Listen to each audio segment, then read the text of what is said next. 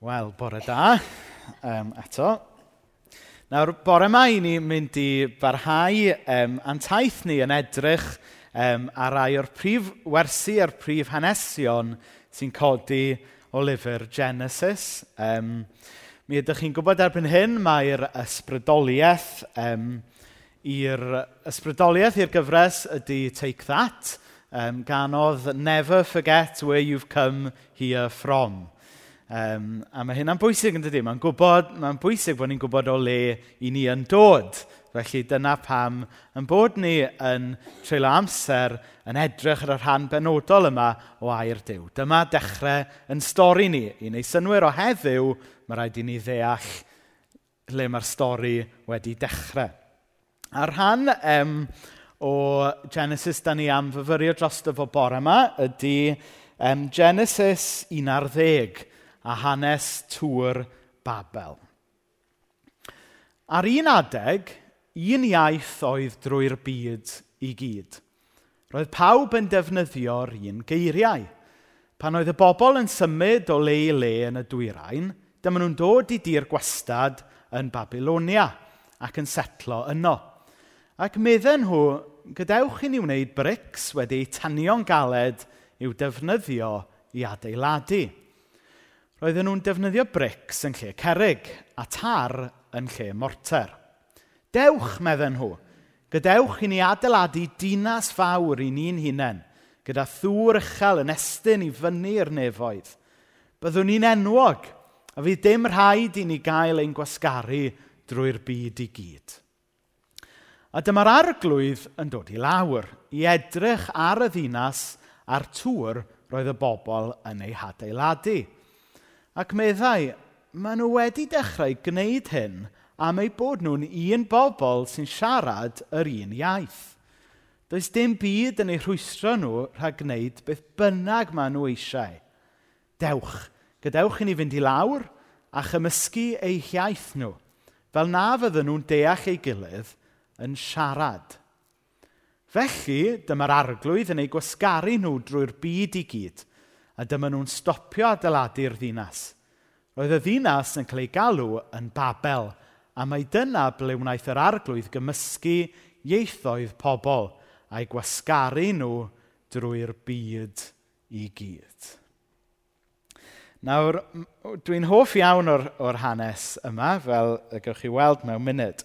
Ond i, i ddechrau atgoffa'n hunain ynglyn a pam bod ni yn edrych ar Genesis, dwi'n um, Dwi'n hanner serious wrth ddweud mai Take That oedd yr ysbrydoliaeth. Um, mae yna elfen o wirionedd yn y llinell yma gan Gary Balw a'i ffrindiau. Um, ond o ddifri, Genesis ydy'r llyfr sy'n mynd â ni reit nôl i'r dechrau. Genesis ydy'r llyfr sydd yn dweud rhywbeth wrthyn ni ynglyn â Dyw, mae'n dweud rhywbeth wrthyn ni amdano ni yn hunain, mae'n sôn am dechreuadau'r byd, mae hefyd yn helpu ni wneud synwyr o sut mae'r byd i ni'n byw ynddo heddiw yn wahanol iawn i'r byd i ni'n darllen amdano ar ddechrau Genesis. A mae e'n esbonio i ni o le mae drygioni wedi dod, o le mae pechod wedi dod. Ond, reit o'r dechrau un hefyd, yn Genesis, i ni'n gweld lle mae cynllun Dyw yn dod at ei gilydd i roi popeth nôl yn iawn – trwy aberth a trwy atgyfodiad Iesu Grist. A reit o'r dechrau un, um, yng Ngarddeden, mae Dyw yn delio gyda iogrwydd a cywilydd um, y bobl. Um, falle bod chi'n cofio Genesis 3.21. Wedyn dyma'r arglwydd ddiw yn gwneud dillad o grwy'n anifeiliaid i adda ei wraig ei gwisgo.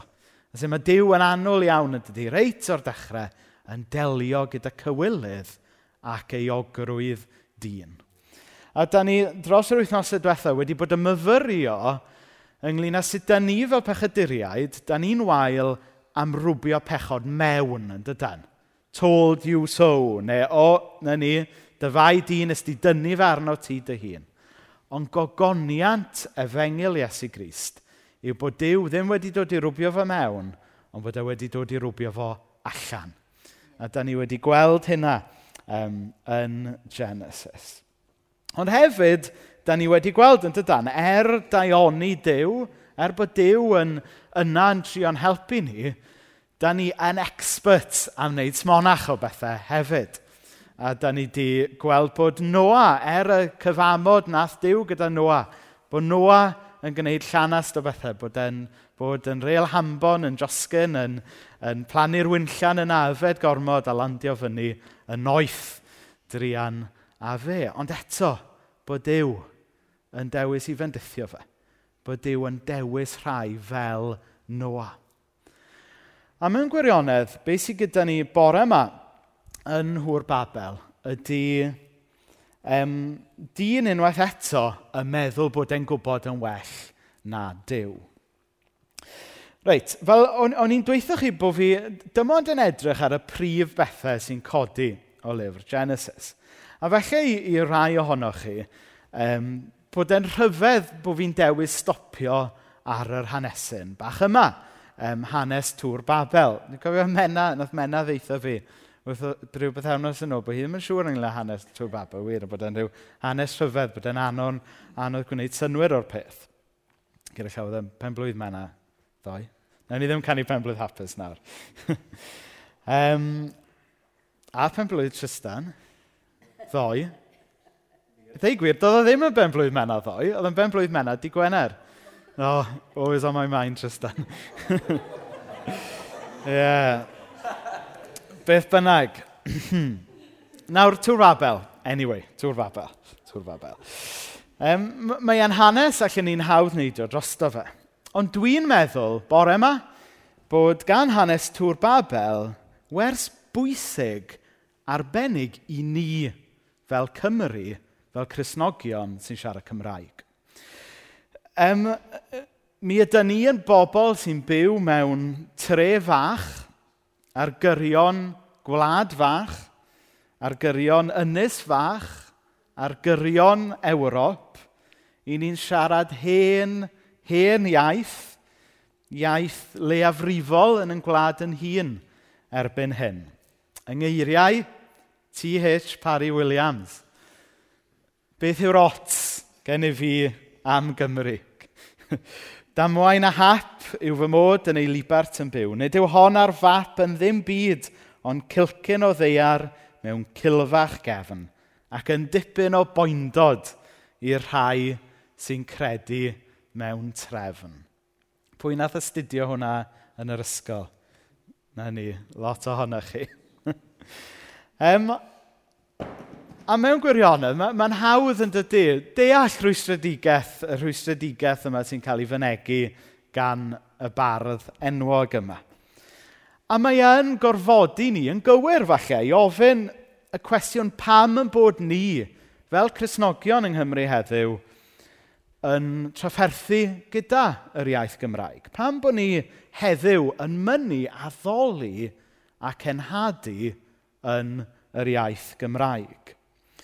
Dwi'n meddwl bod Genesis 11 yn helpu ni ddatgloi rhywfaint o'r cwestiynau yna. Ac yn, mewn gwirionedd yn gwneud i ni sylweddoli bod Dyw wedi rhoi pwrpas arbennig i ni fel Cresnogion Cymraeg a fel Eglwys Cymraeg yn yn cenhedlaeth ni. Nawr i ddechrau, beth sy'n digwydd yn M Genesis 1 ar 10? Wel, i ddechrau mae rhaid ni fynd nôl i Genesis 1, lle mae Dyw yn rhoi gorchymyn i ddynoliaeth beth mae e fod i wneud ar y ddeiar. A dyma i ni'n darllen yn Genesis 1, 28. A dyma ddew uh, e, yn, yn ei bendithio nhw a dweud wrthyn nhw, dwi eisiau i chi gael plant fel bod mwy a mwy ohonoch chi. Llanwch y ddeiar a defnyddiwch ei ffotensial hi. A bod yn feistr sy'n gofalu am y pysgod sydd yn y môr, yr adar sydd yn hedfan yn yr awyr, a'r holl greaduried sy'n byw ar y ddeiar. Nawr fan hyn, mae dynoliaeth yn cael y pwrpas arbennig yma. Dwi'n gwybod os yna rhywun da chi yn edrych fyny ato fo, wedi rhoi rhyw gyfrifoldeb i chi. Falle, falle mae rhyw athro yn yr ysgol, falle eich rhieni chi, falle, falle rhywun sy'n anwyl i chi, wedi, wedi rhoi rhyw gyfrifoldeb hyfryd i chi ac i chi yn gweld o'n fraint cael gwneud y cyfrifoldeb yna. Ond mae Dyw sydd wedi creu y ddeiar yma yn gwahodd ni i fod yn bartneriad gyda fe yn y ddeiar yma mae e wedi creu mae e wedi creu yr holl ddeiar, mae wedi creu'r holl anifeiliaid, ac yn goron ar y cyfan, mae e wedi'n creu ni. Ond nid jyst bod e wedi'n creu ni, ond mae e wedi creu ni i fod yn bartneriaid gyda fe yn y greadigaeth yma. Mae e wedi rhoi dy rôl i ni fod yn rhyw fath o wardeniad ar y ddeiar yma. I ni'n byw um, yn y parc cenedlaethol yn dydyn. A mae yna wardeniad ar y parc cenedlaethol sydd yn gofalu fod y mynyddoedd a'r amgylchedd a'r, a hyd yn oed y diwylliant yn dyfa e, yn cael ei gofalu amdanyn nhw. Wel mae Dyw di rhoi y cyrfoldeb i ni gyd fod yn wardeniad ar ei ddeiarau. E. I ni ledu dros y ddeiar mewn amrywiaeth. Felly dyna yw y gorchymyn, dyna yw'r fraint mae Dyw yn rhoi i ni a ddechrau Genesis. Ond sylwch, erbyn Genesis 1 ar 10, mae dyn yn meddwl bod e'n gwybod yn well. Thema trwy'r Beibl, thema trwy fy mywyd i. Erbyn Genesis 1 ar 10 adnod 4. Dewch, meddyn nhw, gadewch i ni adeiladu dinas fawr i ni'n hunain, gyda thŵr uchel yn estyn i fyny'r nefoedd. Byddwn ni'n enwog, a fydd dim rhaid i ni gael ein gwasgaru drwy'r byd i gyd. A chi'n gweld y contrast fan hyn. Cynllun dew i'r byd ac i ddynoliaeth, a wedyn bod dyn y meddwl bod e'n gwybod yn well. Mae dyn, os hoffech chi'n cael cynnig y byd, ond mae well gan fe godi tu twt yn ei ardd gefn. O roed y peth felly. Mae, mae dynoliaeth yn cael cynnig yr holl amrywiaeth a'r holl brydferthwch sydd gan y greadigaeth Dyw i gynnig i ni. Ond mae well gan fe aros mewn un lle yn siarad un iaith a gwneud enw iddo fe i hun. A chi'n gweld y dydych y contrast fan hyn rhwng cynllun dew i ni a beth yda ni yn yn hunan bwysigrwydd ac yn ein pechod falle yn meddwl i ni'n gallu i wneud. Nawr, um, fan hyn, mae'n ddiddorol yn dydy bod dyn, bod dynoliaeth yn ceisio gwneud enw iddo fe ei hun. Ac yn aml, mae pobl sy'n trio gwneud enw iddyn nhw ei hun, yn aml yn gwneud ffwl ohonyn nhw ei hunain. Dydy. A dwi, dwi number one yn rhoi yn llaw fyny a deimlo di di syrthio yna i'r trap sawl gwaith. Er enghraifft, um, dwi'n aml yn trio deud jokes fan marfor ydi syl A dyn nhw ddim yn gweithio, a dwi'n ei ffwl o, o fi fy hun. a dyna chi'n arall i'r list fyna. Ond dwi eisiau chi weld fan hyn. Sut mae gan ddiw gynllun hyfryd i ni, ond mi ydy ni yn llawn o'n bai, yn llawn o'n pechod, yn mynd rhyw ffordd arall. A setlo am rhywbeth sydd ddim cystal ar hyn mae Dyw yn ei gynnig i ni. A mae hwnna'n snapshot yn dydy o, o sut ydy ni yn ympechod, dwi'n meddwl. Um, dwi'n gweld um, tad um, Will yma, da ni'n croesawu teulu Will yma. Dwi'n cofio pan oedd um, Richard yn pregethu yma um, chydig fusoedd yn ôl. Nath ei ddefnyddio'r ddelwedd um, o wr yn cyrraedd adre bod y wraig wedi paratoi y pryd o fwyd hyfryd yma ond bod ni jyst yn setlo am hamburger.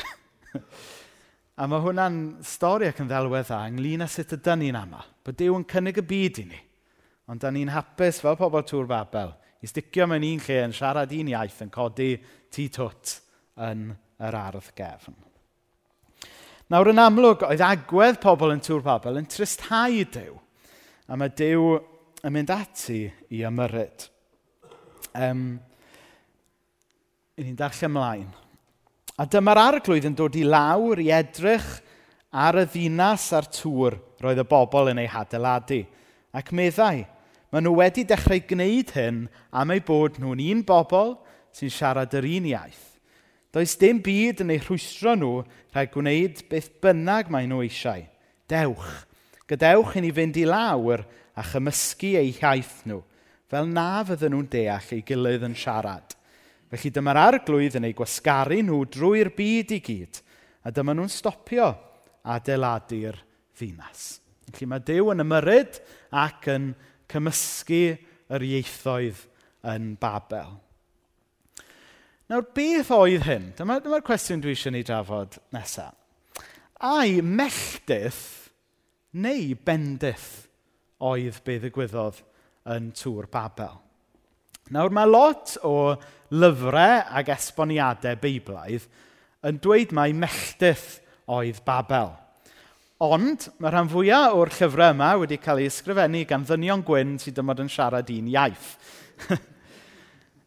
a, a roed y peth yn blaen felly. Ond gobeithio bod ni o leiaw brysbectif cenedl sydd â mwy nac un iaith sy'n ddwyieithog a'r gyfandir sy'n llawn nifer o ieithoedd – yn gallu gweld, na, mae bendith ddoth allan o Babel. Sef y fendith o gael mynd yn ôl at gynllun gwreiddiol dew i ddynoliaeth. A beth oedd y cynllun yna?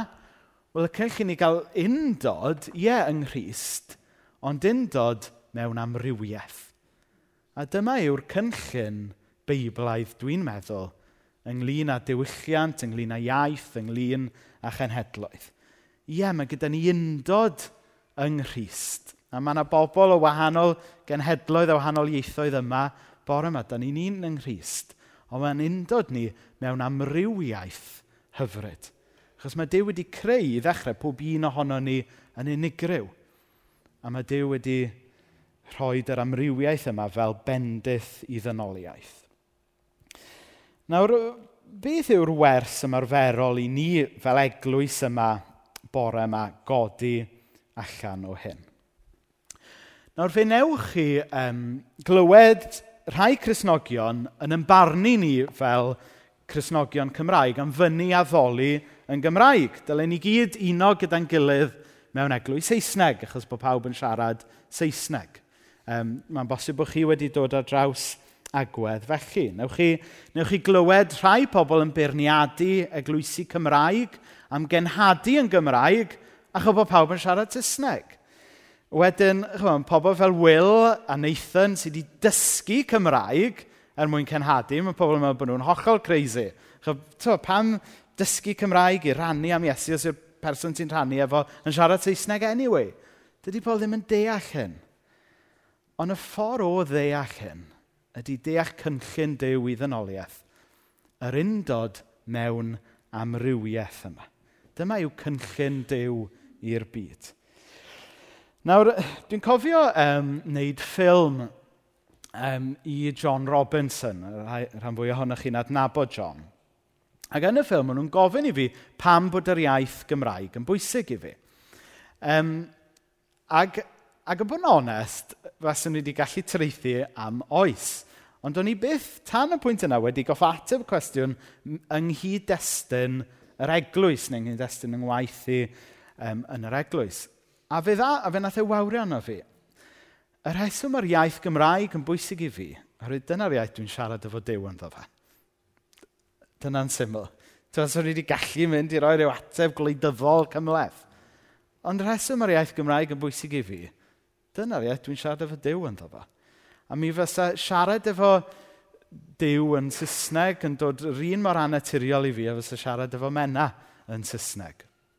Um, ac, chyfo, weithiau, um, dwi yn arwen gwasanaethau mewn eglwysi Saesneg. Ac, ac um, pan dwi'n pan dwi'n pregethu, mae'n ma, ma reit. Ond pan mae'n dod i'r gweddio, yn yma, wrth gwrs mae Ysbryd Dyw yn yn arwen, i ydy ond dyw e ddim yn dod naturiol. A hyn oherwydd bod, bod gan baw fam iaith yn does. Am braint ni fel Eglwys Gymraeg yw cael addoli Dyw yn yn mamiaeth. Am braint ni fel Eglwys yn yn cenhadaeth yw cyflwyno Iesu bobl eraill yn ei mamiaeth. Ac er yn bod ni'n byw mewn cymdeithas lle ydy ma pawb yn siarad Saesneg, ond dwi'n meddwl mae cynllun Dyw yw bod Dyw eisiau ni fendithio'r amrywiaeth ieithoedd sydd yn y byd a rhannu am Iesu ym mhob cenedl ac ym mhob iaith gan ddechrau ar yn stepen drws ni yn hunain. Nawr, mae yna rhyw um, symmetry hyfryd i'r Beibl. Dwi wedi sôn yn barod fod Genesis yn dechrau gyda'r alwad i'r, i, i ddynoliaeth ledu trwy'r byd a datblygu yn wahanol wledydd, yn wahanol ieithoedd. A mae yna symmetri hyfryd i'r Beibl oherwydd mae hwn yn dod nôl i ni reit ar ddiwedd y Beibl yn datgyddiad saith. Edrychais eto ac roedd tyrfa enfawr o bobl o'n blaen ni. Tyrfa mor aruthrol fawr. Doedd dim gobaith i neb hyd yn oed ddechrau eu cyfri. Roedden nhw yn dod o bob cenedl, llwyth, hil ac iaith ac yn sefyll o flaen yr orsedd ac o flaen yr oen. Roedden nhw'n gwisgo mentych gwynion ac roedd canghennau palmwydd yn ei dwylo. Roedden nhw'n gweiddi'n uchel, ein dew sydd wedi'n hachub ni, yr un sy'n eistedd ar yr orsedd a'r oen. Ac i ni'n gweld fan hyn yn dydyn, mae nid melldydd oedd Babel, ond bendydd.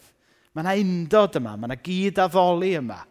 Ond eto, mae pob cenedl a llwyth a hil ac iaith yna yn ei amrywiaeth, ond eto yn unedig yn ei addoliad o'r dew byw.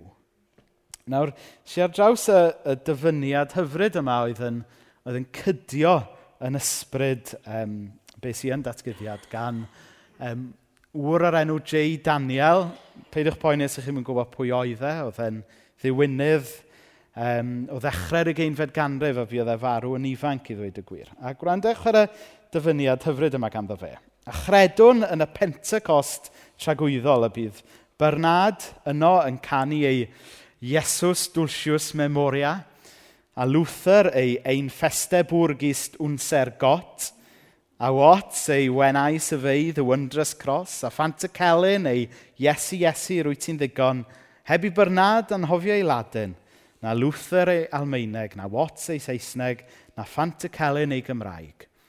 A heb i hynny rwystro mewn unrhyw fodd y gynghanedd berffaith, ei cyd ddeall a'i cyd ganu.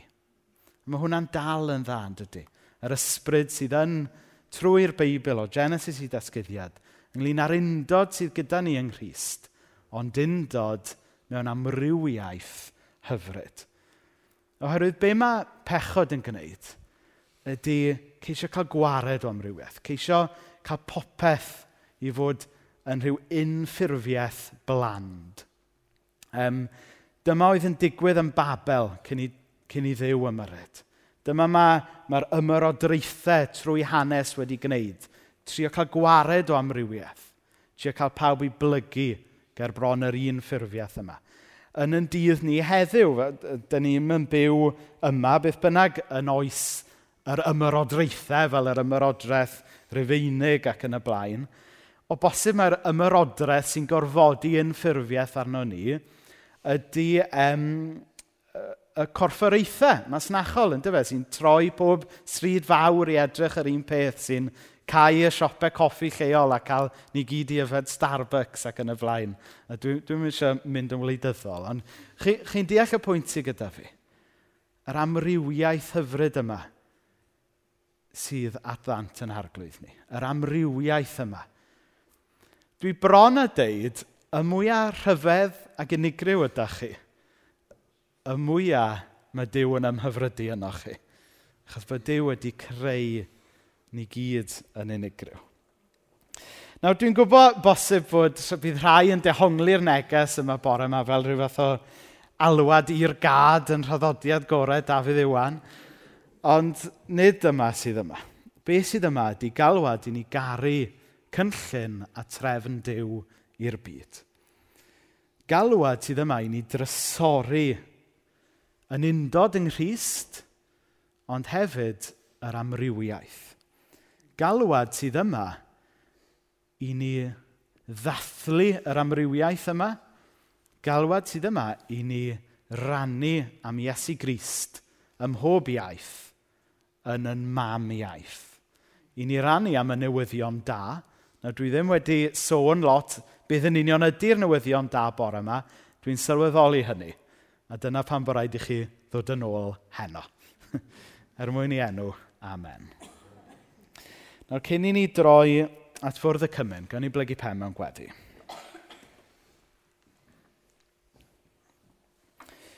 Wel, y ddiw dad i ni yn diolch bod ti wedi creu pob un ohono ni ar dy lun a dy ddelw di. Bod ti wedi creu pob un ohono ni yn unigryw. Bod ti wedi creu pob un ohono ni i allu siarad gyda ti yn yn mam iaith. O ddiw dad maddau ni am grwydro.